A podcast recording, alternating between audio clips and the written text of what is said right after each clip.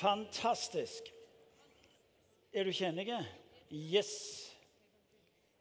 Det å få lov til å være her i kveld, være med å tilbe, eh, få lov til å feire nattverd sammen det, er å, det å erfare at en gudstjeneste kan bringe med seg så mye i god forstand, god energi. Eh, og to ting skal jeg si før jeg begynner å tale. Nå er klokka blitt såpass mye at egentlig skulle jeg ha begynt å slutte nå.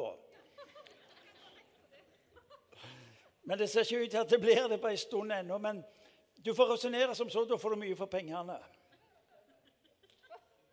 Vi sier jo det at når det er ekstraomganger i, i en cupkamp, så sier vi ja, vi får jo mer for pengene. Så du får resonnere sånn. Hvis du syns det blir gysa lenge, så får vi finne ut hva du gjør med det. Men eh, jeg tenker som så det mest fredfulle plassen å sovne må jo være i ei kirke. Det må jo være trygt, tenker jeg. Så det er tillatt å sovne. Snorker du, så vekker vi deg. Vi vil ikke ha konkurrerende lyder, som han sa. Hvor mange av dere har denne boka, 'Ei hånd i været'? La oss gå motsatt vei. Hvor mange av dere har den ikke? Ok. Imi kirke ga ut for første gang denne type bok nå i sommer. Bakgrunnen var litt spesiell fordi vi ble utfordra på at noe av det livet som vi levde, burde skje på en annen måte på et annet sted. Og vi tenkte ja, men det kan jo ikke stemme. Vi tenkte vi, vi må sette oss ned og så må vi finne ut hva slags liv representerer denne menigheten. Vi har lest drøssevis av god amerikansk litteratur. Vi har ikke noe behov for å eller afrikansk litteratur eller asiatisk litteratur. Men det er stadig flere mennesker som spør ja, men Gud, er han, er han fraværende i Norge. Og så tenker vi nei, det er han jo i hvert fall ikke. Så det vi gjorde, var at vi rett og slett satte oss ned og så ville vi gi et bilde av hva Gud gjør. Og Det har altså blitt nedfelt i denne boka. Det står eh, Keiver Ellingsen sitt navn på første side, Men det er egentlig en bok av og om folk i denne menigheten. Og Det som jeg syns er fascinerende, det er at tilbakemeldingene på han er rett og slett enorme. For det første fordi det er norsk, som folk sier. Men det andre er at folk kan, eh, folk kan lett tilegne seg det som står her. Selv om det utfordrer. Det var som en sa, en norsk kirkeleder han sa det var spennende lesning, og så var det drapelig utfordrende. Men det gjør ikke farlig, det. Å bli utfordra, det er Bare tenk på disiplene når de var sammen med Jesus. De ble utfordra hver enda dag. Eh, trygt? Nei. Men det var godt å være der. Kanskje det òg. Vi ønsker å gi deg denne boka til en eh, redusert pris for det vi ønsker at du skal lese, og bli både inspirert og oppmuntra til å våge det livet, slik at denne byen kan få lov til å erfare at Gud er god. Jesus som forbilde for mennesker og menighet er uhyre praktisk. Eh, det skal være lett for deg å gjenkjenne eh, ting som du leser, ting som du kan anvende i livet ditt. Boka ligger langs tre linjer. Det ene hva sier Bibelen om de tre hovedområdene av godhet, ordet og eh, helbredelse? Hva sier Bibelen? Hva sier vår erfaring i dette huset? Og så er det noen refleksjoner og noe godt undervisningsstoff som hjelper deg til å forstå og tilegne det. I tillegg så er det altså et samtaleopplegg. Glimrende bok for, eh, for, grupper eller mennesker som du ønsker sammen å snakke eh, om med dette. Eh, det ligger en bankgiro i. Du, les, du tar bankgiroen, og så merker du den med bok. Og så får du boka for 200 kroner istedenfor 228. Hvis du finner ut at denne boka den må jeg også gi til andre, så kan du også ta boka til samme prisen og gi den eller selge den til, all, til andre. Men ikke, du kan ikke legge på. Men du kan ikke ha forretning på dette her. bare så du er klar over det. Ok, Det ligger én bok bak hvert sete. Det er sikkert for lite. Da er det mer ute på lageret. Eh, det har gått grassat mange av den i løpet av den måneden boka har vært på markedet. Hermed så er altså anbefalingen gitt. Ja, Var det greit? Ja, det er bra. Takk for det. Jeg har sufflører som sitter her på første benk, og så sier de 'kjempebra'. Og hvis det er litt sånn dårlig og ikke helt bra, så får du den der. Kan du tenke deg å være midt i talen, så får du den der sånn? Hva gjør jeg nå? Nei, den siste var ikke sant. Også. Det var ikke det. De fleste av oss regner med å få helgen i slutten av neste uke. Fredag, lørdag og søndag. Da får denne menigheten besøk av en som heter Leif Hetland. Han er Jeg har ikke begynt å snakke om han ennå. Jeg må jo vente til jeg har kommet sagt litt mer. Leif Hetland er egentlig Sandnes-Karmøy-gutt. Eh, ja, noe der omkring. han eh, utvandra til USA, erfarer at Gud griper tak i livet hans. Og han har fått lov til å både leve et liv som har betydning for mennesker, men ikke minst å se den innflytelsen som hans tjeneste hans undervisning har betydd i menneskers liv. Eh, at vi får han her i huset, syns jeg er et privilegium. Vi har vært sammen på Oase i år og i fjor. Og Det som slo meg da jeg var sammen med, med Leif, det at den mannen har noe som jeg ønsker at du og meg sammen skal få lov til å erfare mer av. I tillegg til at han er en uvanlig forkynner. Han er ikke en typisk A4-forkynner. Eh, det er mye spennende med Leif Etland på mange måter. Eh, bare klappe hvis det var Nå kunne du sagt 'yes' eller noe i den turen, for da hadde det gitt mening. Men i tillegg så er altså Han har nådd inn i den muslimske verden på toppnivå eh, i enkelte land i Asia, som er helt spesielt. Han vil også undervise og si noe om evangeliets betydning inn i den muslimske verden. Så eh, vi starter på fredag klokka syv. Du er hjertelig velkommen. Det er påmelding. 200 kroner for helg. IMI-medlemmer betaler bare halvparten til, til, til, dere som ikke er blitt medlemmer ennå, så det er et tips. Eh, nei, den siste skulle jeg ikke ha sagt. da. Men, eh, men det er påmelding ved, ved inngangen klokka syv. Det blir òg den helga der CD-opptak. IMI kirke skal utgi en eh, lovsang-CD. Og vi kommer til å ha live-opptakene den helga. Så hvis du har drømt om å være med på eh, CD-innspilling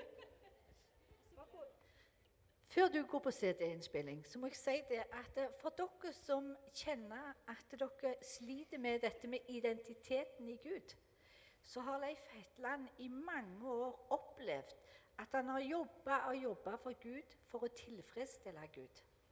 Og så fikk han et radikalt møte med Gud. At Gud var far og pappa. Og at han skulle få lov å være med i tjeneste ut fra å være sønn. Og det er et enormt budskap han har, som setter veldig mange fri. Han snakker på innpust og utpust, men hvis du bare tar og setter deg ned og hører etter han, så får du ved Guds ånd og ved Guds hjelp en ny identitet i Kristus. For han bringer med seg og vil gi videre det han sjøl har fått. Nå syns jeg vi må si yes!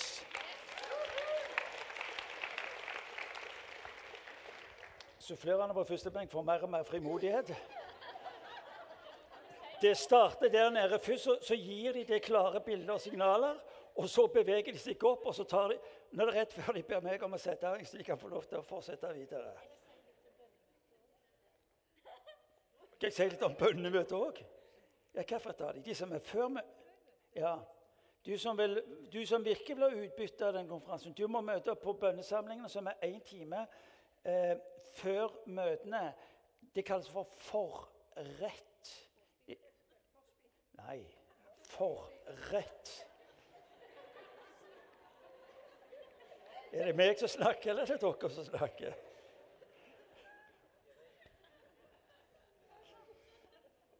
Men litt sånn fra Men det er greit, for du er ikke sånn litt ukjent med i kirke. Det med å le det er, det er grunnen ikke dumt, det har jeg hørt. Så dette at vi ler litt i med kirka, det, det, er egentlig bare greit. Ja. Om det alltid er tilsikta, det vet vi ikke. Men i hvert fall så, så tyter det ut. Men når det gjelder bønnemøte Vi har altså bønnemøte før hver gudstjeneste klok, øh, fra halv seks til seks, og så halv elleve til elleve. Det er noe av det flotteste vi har når vi kommer sammen for å feire. Fordi det har noe med å få fokus, det har noe med å erfare Guds nærvær før du går inn i gudstjenesten og blir en del av det som skal skje her inne. Nå har jeg tenkt å begynne å slutte. Sånn så. Nei, jeg har altså et eller annet som jeg vil si dere, så det, det dere er nødt til å høre. Hør nå godt etter. Hvis jeg spør deg om hva som er det mest radikale et menneske kan gjøre, så aner det meg at det er en hel haug med ulike svar på det der. Sist gang så snakket jeg om Tor Heyerdahl. Ja, han var radikal. Han gikk for det han trodde på. Og så kan vi nevne personer i historien, og vi kan snakke om mennesker som vi møter i hverdagen. hvor det måtte være henne. Hva er det mest radikale et menneske kan gjøre? Her skal du få min definisjon. Det mest radikale et menneske kan gjøre, det er å søke Jesus Kristus. For ut ifra det springer det et liv som sprenger alle de rammer og alle de grenser du var i stand til å konstruere. Jeg har ett ønske for deg når du går i kveld det mest radikale jeg kan gjøre, det er å søke Jesus Kristus. Fordi at når mennesket en dag valgte å ta kontrollen på eget liv, vender de Gud ryggen. Det Jesus Kristus gjør når han oppsøker denne jorda med klart definerte oppgaver, så er det å møte et menneske som har vendt han ryggen, og som i utgangspunktet hater han intenst og si 'Jeg er kommet for å lete deg opp', for at livet ditt skal bli det som det en gang var tenkt å være. Det mest radikale eh, du og vi kan gjøre som mennesker, det å søke Jesus Kristus. Og Nå snakker ikke jeg om folk som ikke er kristne, men jeg snakker om deg og meg som ønsker å være en Jesus-etterfølger.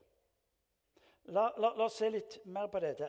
Når Jesus i Matteus evangeliet kapittel 6, 33 eh, i bergpreika skal kommunisere, så er det som han koker det ned tegning, så sier han 'søk meg'. Søk meg. Det interessante var han sier dette inn til et folk som på dette tidspunktet visste at det var ikke mulig å søke Gud. Jesus sier 'Guds rike er kommet nær.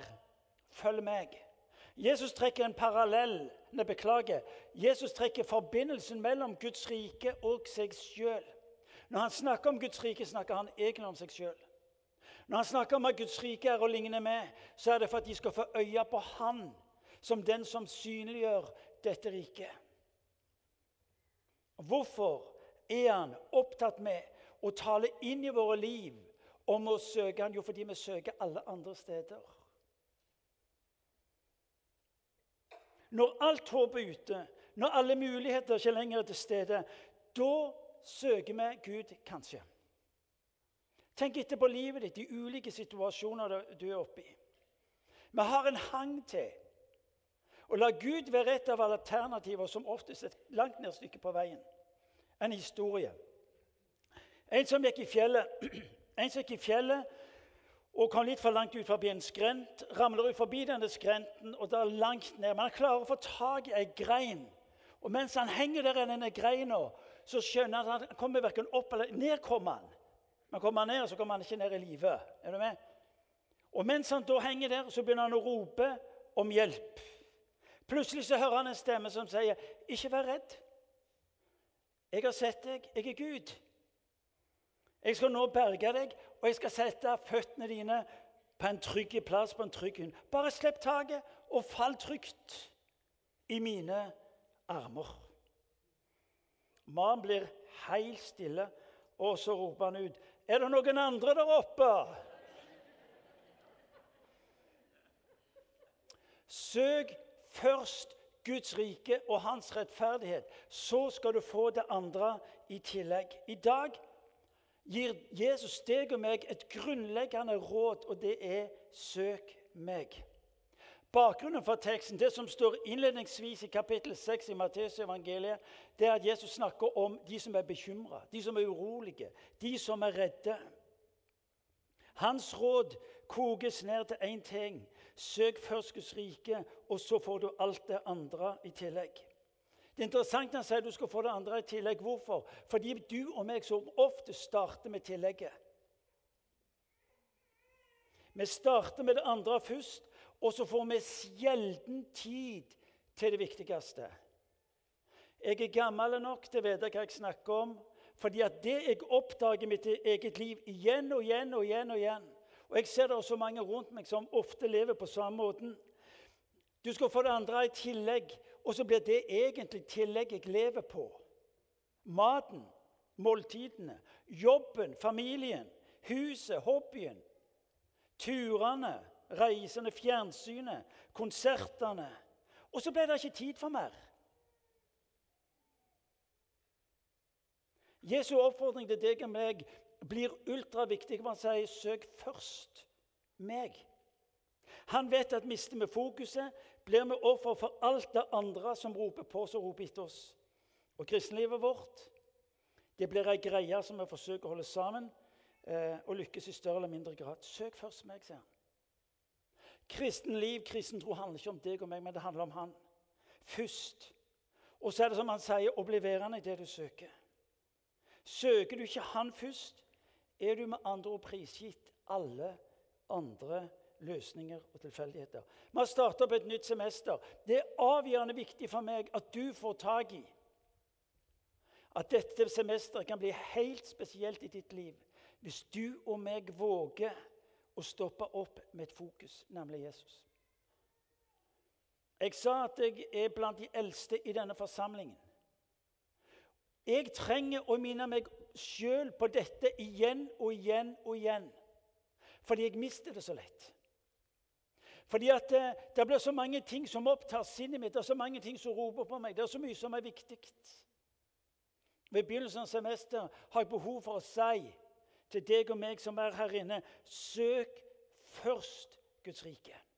Sist gang så ble vi minnet om Jabes bønn, hvor Jabes er frimodige han, han, han henvender seg som utgangspunkt for livet. Gud velsign. Gud eh, utvid landområdet. Gud, vil du holde din hånd over meg, vil du beskytte meg mot det onde? Og så møter du en Jabes som har et fokus. Hvorfor blir denne eh, sterke oppfordringen fra Jesus så viktig? Du skal få noen enkle punkter. For det første fordi at når du søker Han, oppdager du relasjonen du får lov til å ha med Han. Søk meg for å få øye på deg sjøl, hvem du er. Mennesket er skapt i Guds bilde. Mennesket valgte å ødelegge den relasjonen. Skal du og vi komme til rette med oss sjøl, sier Bibelen, søk Gud. Jesus sier, 'Søk meg'. Din identitet som sønn, som datter, som bror, som søster, som medarbeider. Du kan ikke forstå deg sjøl fullt ut uten å se deg i sammenheng med Gud. Jesus definerte seg ut ifra Faderen. Og han inviterer deg og meg til å gjøre det samme. Derfra var det Jesus henta sin autoritet. Hvis du ønsker autoritet inni denne verden, så holder det ikke med det du sjøl snekrer sammen. Men det, holder, men det, går på det som du får lov til å stå i og hente fra Gud. Guds proklamasjon over Jesu liv var 'Du er min sønn, den elskede i hvem jeg har velbehag'. Du leser Johannes evangeliet, hvor Skriften sier at Jesus omtales som den førstefødte. Med andre ord, det ropet som lyder utover Jesu liv, lyder òg utover deg. Du er min sønn, du er min datter, som jeg har velbehag i. Når disiplene skal lære å be, så er det bønnen 'Fader vår', ikke Gud eller allmektige. Ordet 'far' som det oser av relasjon. Det oser av identitet. Det oser av den plattformen som du og meg trenger for å få lov til å leve i denne verden. Vi arbeider ikke mot Gud for å få, men vi arbeider ut ifra Gud for å leve i det Han gir oss. Eh, å søke Kristus er å søke relasjonen. Når relasjonen ryker, så mister du også forbindelse med opphavet, ditt. Og så sier salmisten, min sjel faller ikke til ro før den finner hvile hos Gud. Søk meg. Hør nå, hør nå godt etter. Å søke Jesus Kristus er ikke å søke en religiøs idé. Å søke Jesus Kristus er ikke å søke et religiøst system eller ei kirke, om du vil, eller bli en del av et eller annet, et eller annet. Når Jesus sier 'søk meg', så betyr det at Gud har gjort seg tilgjengelig. Gud har gjort seg tilgjengelig for deg. Du får ikke tak i det, fordi det sprenger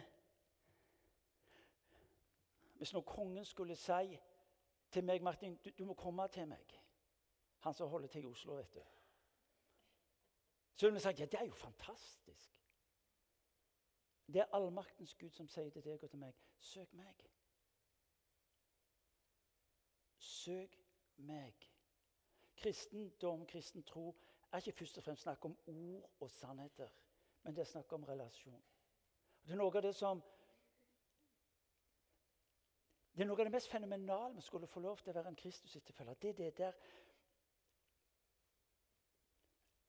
Hvor mye fikser jeg, så forstår jeg av alt det som har med, med det religiøse Ja, noe. Men perla i det der er jo at jeg får lov til å vite at allmaktens Gud har sagt Martin, jeg vil ha relasjon med deg. Jeg vil ha relasjon med deg. Og når jeg går i forvirring på det, for jeg klarer ikke å holde det i hop, så minner han meg om hva som skjer en dag når et kors heng, eh, settes opp forbi Jerusalem. Fordi profeten sier Hvis du går tilbake til Jesajas kapittel 59, vers 2, så står det Hør nå! Dere kan styre på hvor mye dere vil, sier profeten til dem. Men syndene deres, overtredelsene deres, har skapt brudd mellom dere og Gud. Glem det. Gud er ikke tilgjengelige. Og så var israelsfolkets redning en gang i året. Skulle folkets religiøse leder på, i de sted få lov til å komme fram og, og be om nåde tilgivelse. Og så lyder det fra denne Jesus Kristus når han sier at alt er fullbrakt. Og, det, og, og vi leser når han henger på korset, når han dør på korset for å ta vekk det som hindrer mellom menneske og Gud. Når Jesus bygger broa med sitt eget liv, vet du hva? så gjenopprettes forbindelsen mellom Gud og menneske. Søk meg. Søk meg. Det er det første jeg vil du skal få tak i deg i dag. Uansett hvor du måtte befinne deg, uansett hva som er din livssituasjon. Søk meg. Når du søker Han, lar du Han flytte inn i ditt liv og det som er din dag. Det er utrolig godt sagt. Når du søker Han, lar du Han flytte inn i ditt liv og inn i det som er din dag.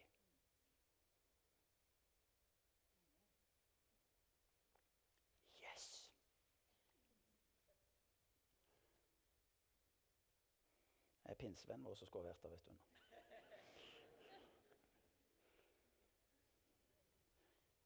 Halleluja. Halleluja. Det er trygt, og det er godt.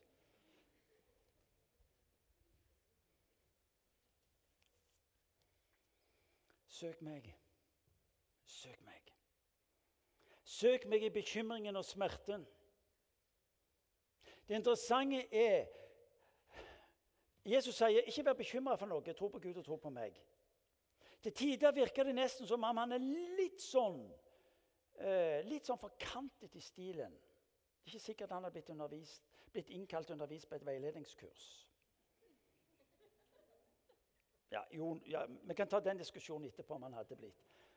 Men av og til så syns jeg han er litt sånn type kantete. Ikke vær bekymra for noe. Bare tro på meg. Tro på Gud. Men det står det Johannes evangeliet kapittel 14. Ikke overdriv jeg heller, selv om jeg kunne ha lyst. Salme 23 skrives på et tidspunkt hvor det er konflikt, og hvor det er vanskelig og hvor det er smerte i Davids liv. Der er det han skriver om at 'Herren er min hyrde'. Eh, I en forkorta oversettelse 'Han steller med meg'.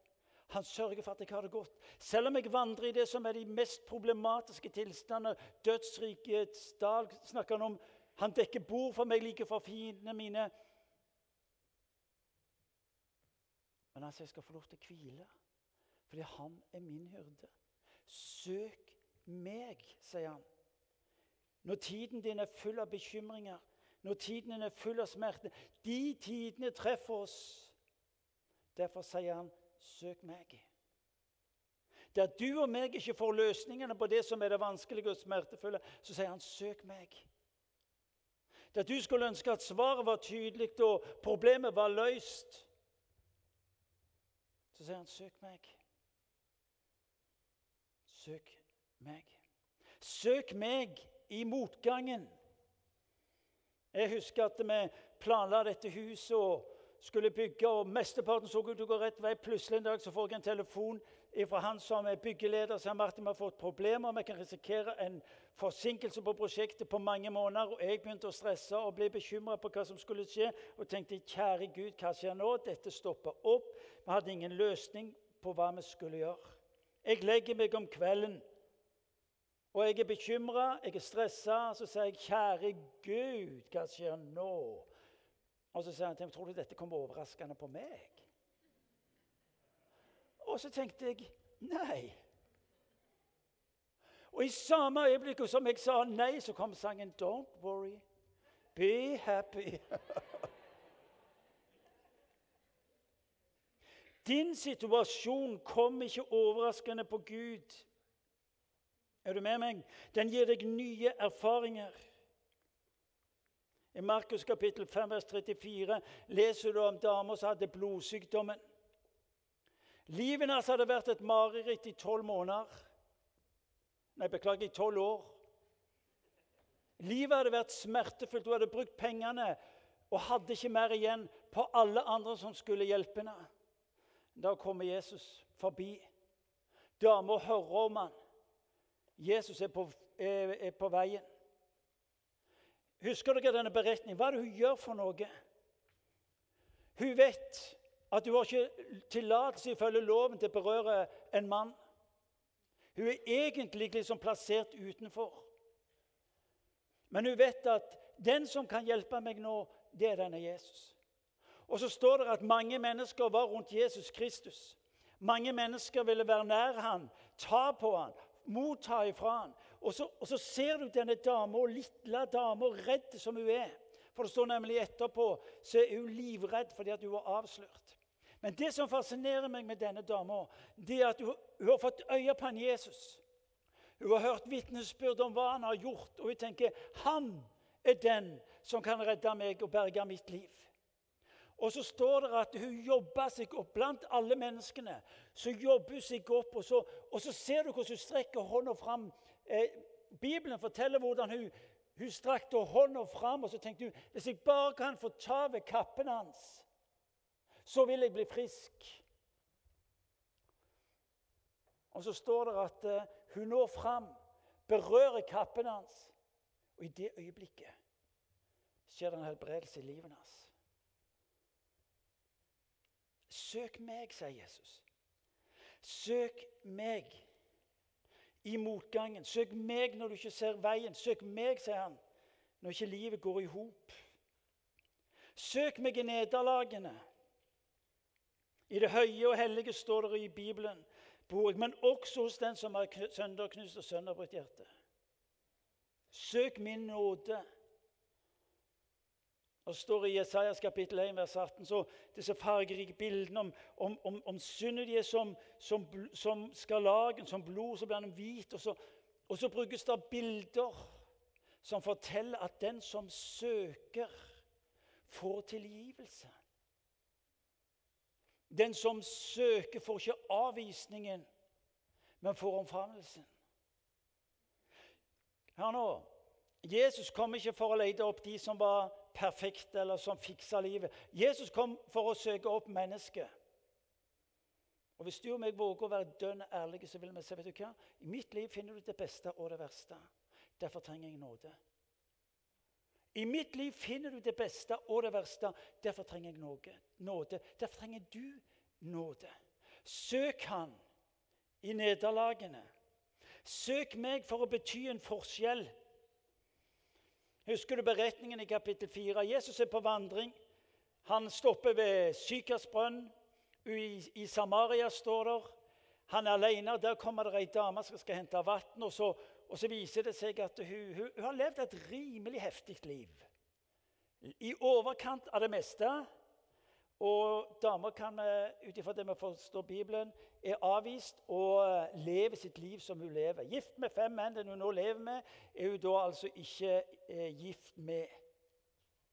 Men det som er så fascinerende, det er at Jesus deler evangeliet med henne. Han omfavner henne med nåde. Han lar hun forstå at 'jeg har ikke noe imot deg'. Søk meg, og livet ditt skal bli det du har drømt det skulle bli. Og Så forteller beretningen at disiplene kom tilbake fra den landsbyen. Der skjedde ingenting i den landsbyen. De var opptatt med mat, står det. Er dere med meg? Han sendte, du kan spørre Hvorfor i verden trengte han å sende tolv stykker for å hente mat? Det var sikkert en god, godt forslag. Men altså tolv stykker som drar inn til byen for å kjøpe mat. Det skjer ingenting med byen. Men når da denne dama som har hatt et møte med Jesus på brønnkanten, drar tilbake igjen, så snur hun hele byen på hodet. Fordi hun forteller han har fortalt meg alt. Der var de tolv andre profesjonelle hadde vært i byen, de òg.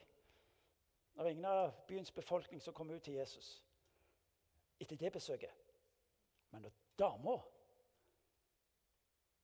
hadde valgt å la seg berøre Hør nå. Søk meg, og livet ditt skal få en betydning og bety en forskjell. Hør nå. Søk meg på studiestedet ditt. Ikke se bare studiestedet. Søk meg, fordi at når ditt fokus er meg der hvor du er og skal studere, så vil ditt liv det vil forvandles, og mennesker vil forandres. På jobben din, i familien. Ikke se bare jobben. Jesus, jeg søker deg her jeg nå jobber. Jeg søker deg, Jesus, for de åtte timene som jeg skal være her hver dag. Noen av dere vantrives på jobben, noen skulle ønske å være en helt annen plass. Så lenge du er der du er, kan din arbeidsplass forvandles rett og slett og si Jesus, du er her nå. Og du har bestemte tanker og planer med at jeg er her åtte timer hver dag. Jesus, jeg søker deg for arbeidsplassen min. Jeg søker deg for det som jeg syns er pest og ei plage. Jesus, jeg søker deg slik at denne plassen kan erfare at du, Gud, er nær og forvandler mennesker eh, eh, sitt liv. Stedet du bor. Hør nå. Han er den samme i dag. Han er der sammen med deg. Han vil la sitt nærvær gå foran deg. Når du går på arbeidsplassen, så skal din bønn forbli Jesus, hva gjør du nå? Når du kommer på skolen, når du kommer på arbeidsplassen, uansett hvor du er henne, Jesus, hva gjør du nå? Jesus, la meg bli en del av det du gjør. For ut ifra den relasjonen er det du har innflytelse.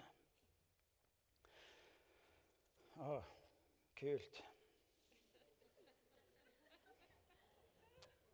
Her står om profeten at han fikk solen, solen til å stoppe. Jeg har litt igjen. Skal vi ta det òg? Dere andre kan bare finne på noen.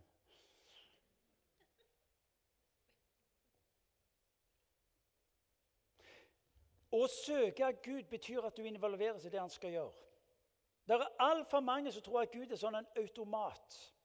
Jeg ber, definerer et behov, og så forventer jeg at Gud skal gripe inn. Men det er faktisk ikke sånn det fungerer. Det er interessant, Du leser om dette i første Mosebok. Så står det at eh, treenigheten, de fullkomne, sier 'la oss skape mennesket i vårt bilde'. Forstår dere? Altså, det er teamarbeid.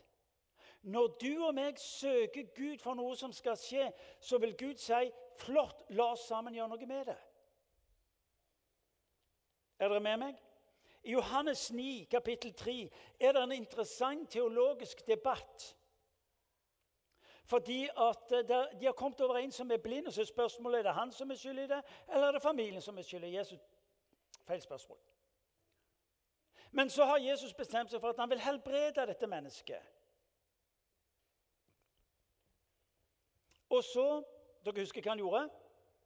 Igjen Apropos dette med å være uh, sjelesørgerisk sensitiv. Han spytter på litt suppe. Sånn moll eller sand, alt det hva.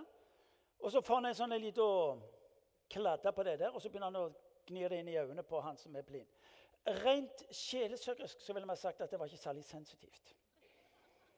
Men fordi at Jesus har gjort det, så aksepterer vi alt. Men hadde jeg gjort noe sånn, så skal jeg fortelle dere, da hadde jeg fått førstesideoppslag i vårt land. Men det var en avsporing, så den skal jeg ikke gå mer inn på. Men dere er jo enige med meg? Dere, hvor mange av dere er enige med, enige med at det var ikke sjelesørgerisk sensitivt? Kom an, dere andre, dere er feige. Dere er helt enige. Men det er ikke poenget med denne beretningen nå. Så dere kan glemme det jeg nå har sagt. Så ikke får jeg en debatt om det etterpå. Men hør nå. Hvorfor denne omveien? Kunne han ikke bare sett på han som var blind, og sagt til han, 'Bli seende'? Så var det gjort. Hvorfor denne surrete greia med sorpa i øynene og 'gå og vask deg i Siloadammen', og så, og så skal du bli har, har, Det er klart du har ikke noe svar på det, du. Nei, ikke jeg heller. Det er helt riktig. Så fløren på første benk sier ikke du heller. Du kjenner meg gysla godt, så du, du hadde rett der. Men det som er greia, det er at han tar den som er syk, med i et samarbeid. Å søke Jesus betyr du blir en del av noe han vil gjøre. Når du ber for mennesker i en livssituasjon, så vil Gud si ja, og så blir du en del av det. Du må våge å bevege deg mot de menneskene som trenger den hjelpa. Du må våge å handle på det som skal være en del av ditt liv. Gud behandler deg med respekt, slik at han tar deg inn i et mønster av teamarbeid. Treenheten, Gud Fader, Gud Sønn og Den hellige ånd, sier vet du hva? La oss, la oss skape mennesket. Og Når du og meg er i en livssituasjon eller vi ber for ting, så sier han kult. Dette gjør vi. De søker meg. Jeg tar dem inn i det jeg vil gjøre. Dette blir bra. Jeg tror at Hvis dette hadde vært en amerikansk museum, hadde de klappet for lenge siden.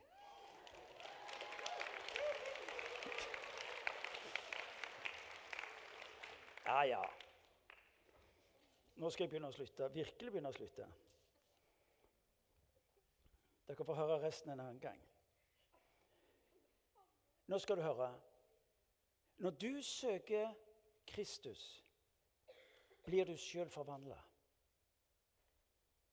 Og kanskje er det det mest radikale. Når du søker Han og Hans rettferdighet, skjer det noe med deg. Guds mål er ikke bare å møte livets mange ulike situasjoner med deg. Hans mål er å forvandle ditt liv. Når han tar deg inn i et samarbeid med seg, når han tar deg inn i relasjonen med seg, så er det for at ditt liv skal forvandles. For at det skal bli slik han hadde tenkt at ditt liv skulle være. Og det der, folkens, er altså så flott. Fordi at Han har ikke frelst deg med tanke på produksjon. At du skal bety et eller annet. At du skal få Nei. Han har frelst deg fordi han ønsker å ha relasjon med deg. Punktum. Og så er tjenesten og alt det andre det er tillegget. Er du med? Det betyr at det, det du blir del i ved relasjonen med Det skal du få springe med videre. Og hør nå, Jeg fikk et ord før eh, jeg skulle tale. Eh, en i menigheten som fikk et budskap. Den ilden som han har, det er din ild. Den kraften som han har, det er din kraft. Den visdommen som han har, er din visdom. Fordi at i relasjonen med han, så sier han alt mitt er ditt. Og Når du går herifra og du skal møte hverdagen, så er det med vissheten om at når jeg søker Han, har jeg det han har for mitt liv, og det skal få lov til å få betydning for omgivelsene mine. Praktisk. Hvordan gjør det? Hvordan skal jeg få lov til å leve i dette med å søke Han? Svaret er enkelt gjør det. Du må bestemme deg, du må velge. Og Når du har gjort noe i tre uker, så har du, så har du det inne. Det har noe med ordet, Bibelens ord Det skaper hva det nevner i ditt og mitt liv. Finn en måte å gjøre det på, finn en plass å gjøre det på. Jeg har alltid sagt det må skje om morgenen, fordi at gitaren må jo stemmes før du begynner å spille på den. ikke sant? Før du går ut på dagen. Dere tar bilde. Og så var det en som sa Martin, morgenen er et mareritt for meg. Jeg kan ikke tenke meg å stå opp og tilbe Gud om morgenen. Ja, men du kan gjøre det før du legger deg om kvelden. Ja, det passer bedre. Ok. Samme hva tid du gjør det, sørg bare for at når du møter dagen, så er gitaren stemt. Du får tak i bildet. Du, vet du hva? Du kan gjerne vente på den inspirasjonen fra hva Herre skal ramle deg i hodet. Det kom ikke. Velg den gode del. Maria valgte den gode del. Og Hvis du tror at dette er gysla lett for meg, så kan jeg si det er det ikke. Når jeg sliter med å skulle få lov til å søke Han, så skriver jeg i Jeg, kan, jeg har noe som kalles for time manager. Det var på moten 30 år for 30 år siden. Er du med? Og så er det oss gamle som henger på med det. De andre har jo datamaskiner og alt det der. Men jeg rår ikke med det der helt. Men når jeg ikke får tingene på plass i forhold til å søke Gud som jeg ser jeg trenger for det, så skriver jeg 'søk'. Jeg skriver hver dag 'søk'. Og Folk som slår opp i min kalender, sier 'hvorfor skriver du 'søk' hele veien?' Jo, jeg må minne meg sjøl på hva det er viktig for meg å velge. Om dere forstår meg? Ja. Ja, nå, nå begynner det å bli saftig til. Jeg trenger hjelp til å leve det livet. Men en ting til, det som er så fenomenalt med en menighet, det er at sammen skal vi få lov til å hjelpe hverandre. Det var snakk om cellegrupper. Vet du hva, Hvis du ikke er med i cellegruppa, så, så fratar du deg muligheten til å leve dette radikale livet. I dette huset har vi ett ønske for ditt liv Det å bygge inn i ditt liv denne her Jesus-kulturen som tyter ut overalt i livet ditt. Gudstjenesten er avgjørende viktig nettopp fordi det skal få lov til å være et sted hvor vi hjelper hverandre. Det er én ting til som jeg må få, må få fram. Dere må begynne å lese. Vi leser altfor lite. En ting er at vi leser altfor lite i Bibelen. Det er nå så sin sak. Men nå har dere hørt det. Men også det å lese litteratur som hjelper meg. Vitnesbyrd fra andre mennesker. Vitnesbyrd som, som, gir meg nye bilder av Jesus. Det er helt klart. Denne burde være obligatorisk. Ikke fordi den er glitrende skrevet, men fordi den forteller om liv. Liv som har vært utfordrende, men også liv som sier noe om at når en søkte, erfarte en også at Gud grep inn. Kan jeg få lov til å utfordre dere til å si nei, til å bekjenne jeg, jeg ønsker å søke Gud? Ikke bare for det såkalt åndelige, men også det som har for livet mitt å gjøre. Hverdagen. Jo da, på helbredelsen, styrke og kraft for dagen, ja. Men også for jobben. Be om fremgang på jobben. Søke Jesus. Jesus jeg ber om å få lykkes på jobben Be om å få lykkes på jobben. ikke det verdslig? Jo, det er verdslig. Men en del av skapergreia, det òg. Gud, jeg ber om vi skal lykkes. Jeg ber om vi skal få lov til å få nye ideer. Skape ting som gjør at bedriften vår kan lykkes med det han holder på med. Gå på skolen. Gud, jeg ber om at du skal gi meg visdom og innsikt, så jeg kan lykkes på skolen. Hør nå. På alle livets ulike områder. Søk Han sier Bibelen. Og du skal erfare at han velsigner deg. Hør nå, Din jobb ja, så sier, ja, men det kan, bli, det kan bli mye sånn hvis jeg lever sløvt. Ja, nei, Hvis du lever sløvt og likegyldig, så er det jo bare tull å be Gud om hjelp. Da må du be ham om hjelp til vilje, så du kan ta på ansvar. Men når du og meg gjør det vi er satt til å gjøre, skal du få lov til det. Gud er den som velsigner. Og din måte å forholde deg til jobben og studiet og det Gud har gitt deg, Hør nå, folkens. Det å anerkjenne Gud for det han har gitt deg. Og du skal få oppleve at du lykkes. Husker du Jabes bønn sist søndag? Gud, å, du må velsigne meg i kirka når jeg ber for syke, men på jobben, når jeg jobber med skolen, i familien, i nabolaget. Gud, du, du må velsigne meg. Ikke egoistisk samme, fordi at der får Gud sjanse til å velsigne deg slik at det er velsignelse for andre. Det andre jeg sa, det var Gud, du må utvide områder innover i mitt liv, slik at du kan få større betydning, men også utover Slik at flere mennesker kan få øye på at du er Gud. Takk, Gud, fordi du holder din hånd over meg. La oss reise oss, og så skal vi be.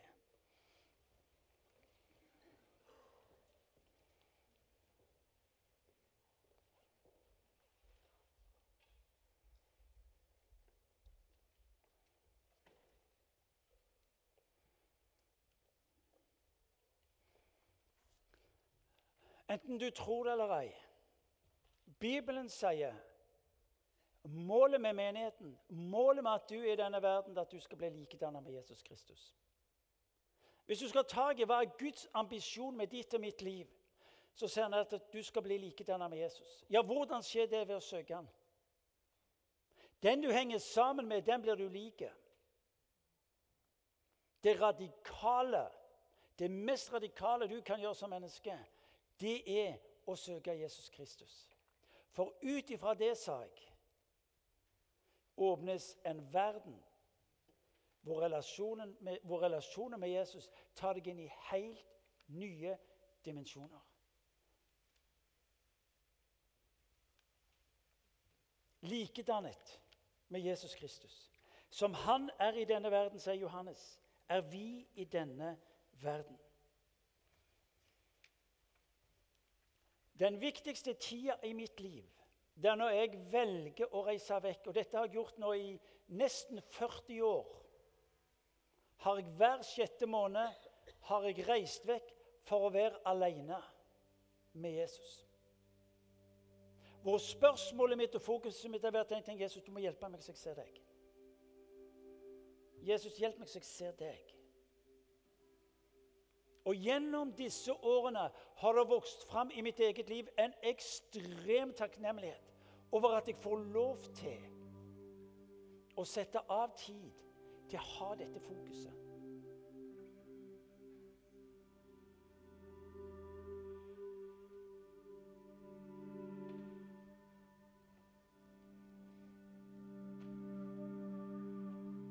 Hva er det du fokuserer på? Det du fokuserer på, det er det du vil få. Det du søker, det er det du vil finne. Søk meg, sier Jesus, for at du skal få tak i hvem jeg ønsker å være i ditt liv. Det er summen av dette enorme jeg skulle få lov til å være en kristen.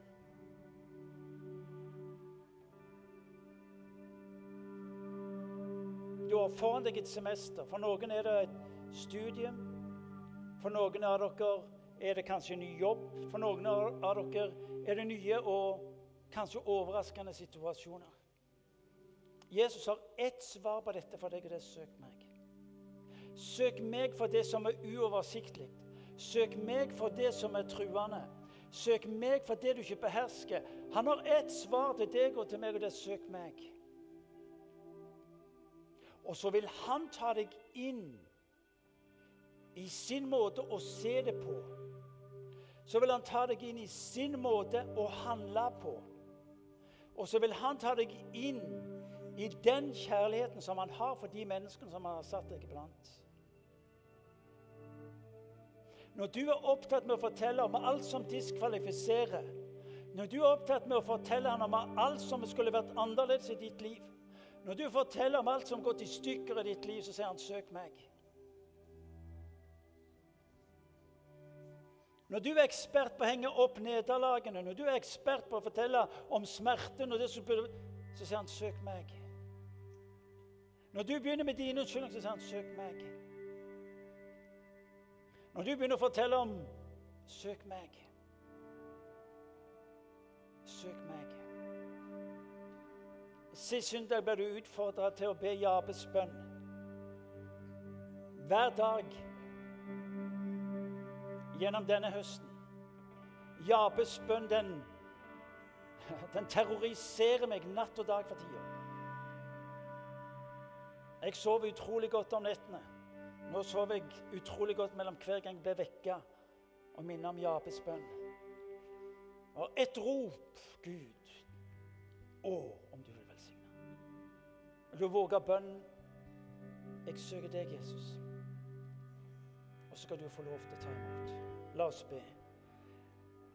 Herre Helligånd, jeg takker deg fordi du er mellom oss, som den som viser oss hvem Jesus er. Og Nå ber jeg om at du skal komme til den enkelte her vi står.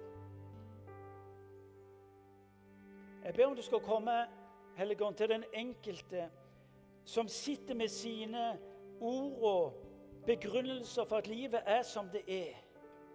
Og så ber jeg om at du skal tale inn i livet og si at du er her. Far, jeg ber du skal legge ned i hjertene våre en, en dyp, dyp, dyp lengsel og lidenskap, Gud, etter å søke deg. For små ting og store ting. For det vi ikke forstår, og det vi ikke behersker.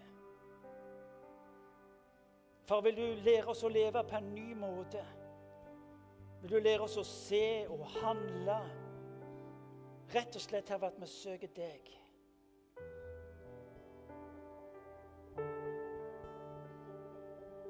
Kom, Hellige Ånd, berør den enkelte av oss.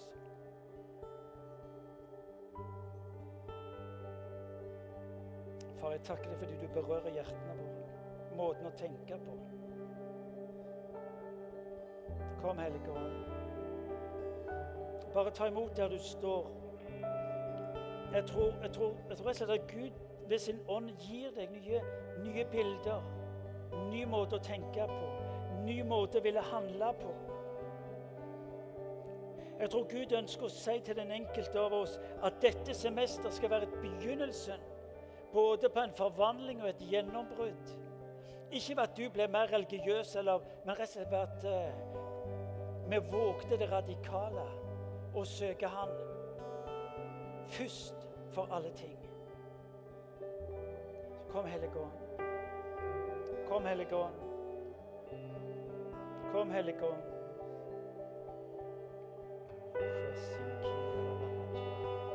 Kom, Hellige Ånd. Fyll våre liv med din ånd.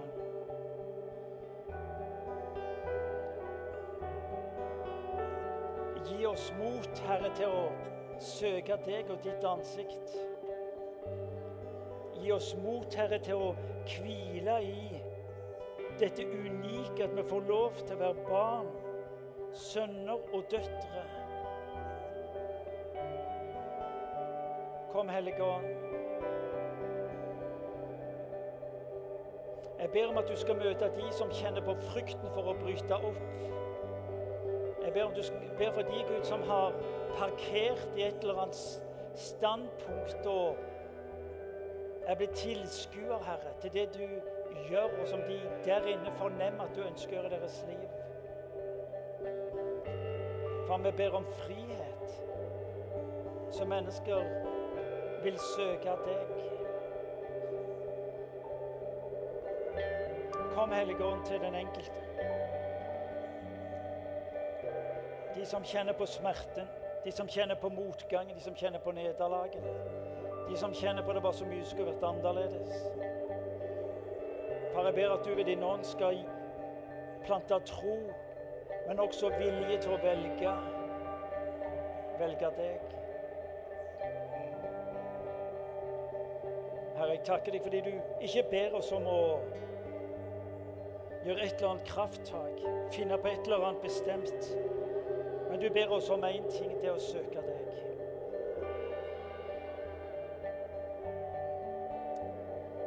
Herre, ber også om mot til oss alle som er i dette huset. Mot, Herre, til å søke deg for fremgang, Herre.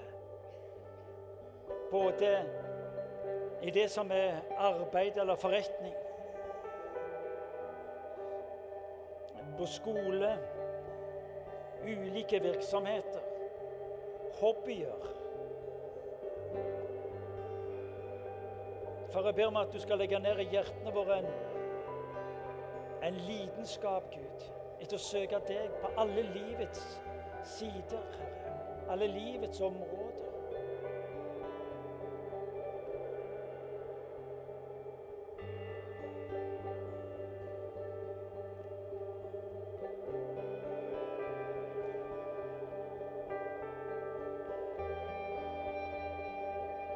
Taler til mange av oss her vi står i dag.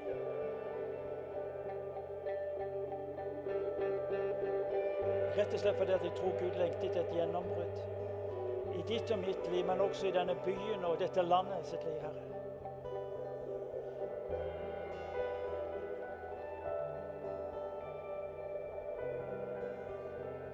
Herre, du minner oss om at vi skal løfte øynene høyere enn vår egen elendighet. Til deg, sier du.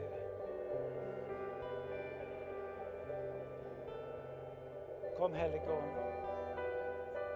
Kom til den enkelte av oss og fullfør.